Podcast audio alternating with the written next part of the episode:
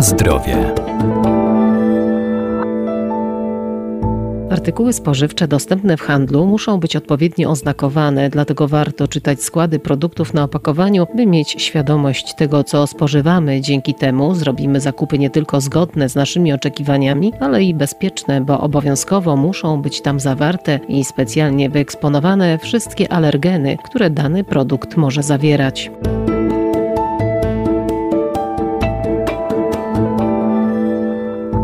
Etykiety na opakowaniach to dla nas cenne źródło informacji. Przede wszystkim znajdziemy tam wykaz alergenów, które nie są wskazane dla osób uczolonych na pewne składniki diety czy z nietolerancją żywieniową. Możemy także spotkać informacje o śladowych ilościach substancji alergennych, choć powszechnie wiadomo, że nie są one wykorzystywane w procesie technologicznym danego produktu. Wśród nich oczywiście będą zboża, które zawierają gluten, będą także skorupiaki i produkty pochodne, także jaja, ryby, orzeszki ziemne, soja, mleko i produkty, które są pochodnymi od tego mleka.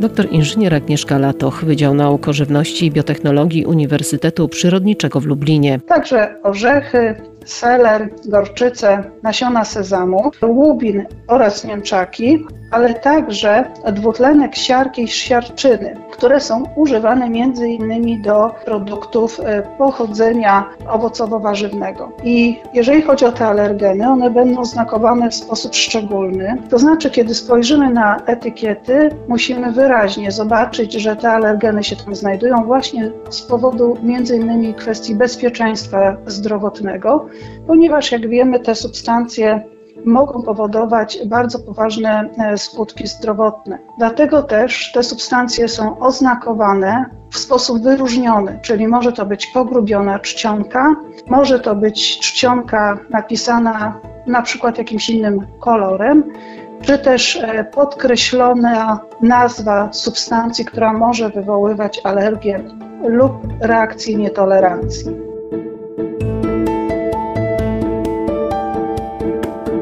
Na zdrowie.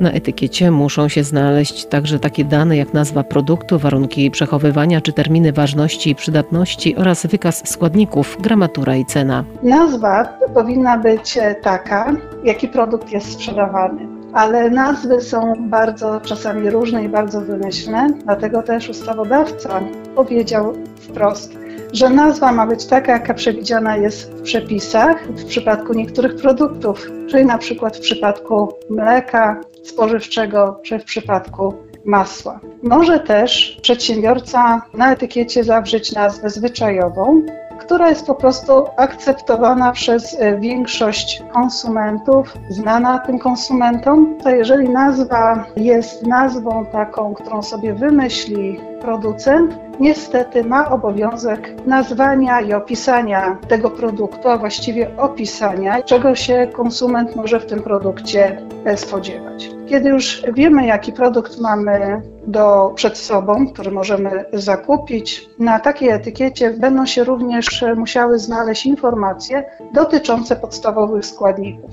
No i teraz, jeżeli chodzi o te podstawowe składniki, to one zgodnie z obowiązującym prawem muszą być wymienione w kolejności od składnika, który występuje w największej ilości, poprzez kolejne składniki, które występują w coraz mniejszej ilości. Stąd też łatwo nam się zorientować jako konsumentom, co w tym e, danym produkcie po prostu możemy e, zastać. Bardzo też istotną kwestią jest e, podawanie na etykietach informacji związanych z wartością odżywczą.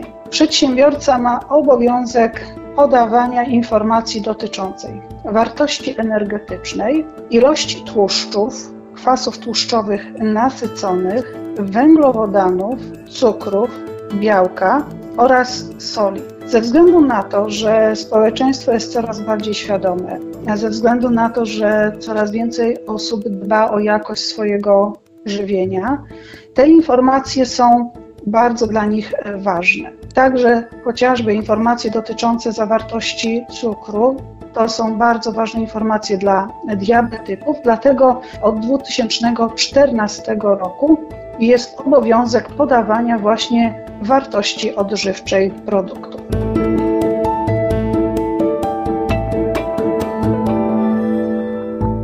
Jeżeli żywność okaże się nieświeża lub niezgodna z tym, co deklaruje na opakowaniu producent, zawsze przysługuje nam prawo do reklamacji. Składamy ją u sprzedawcy.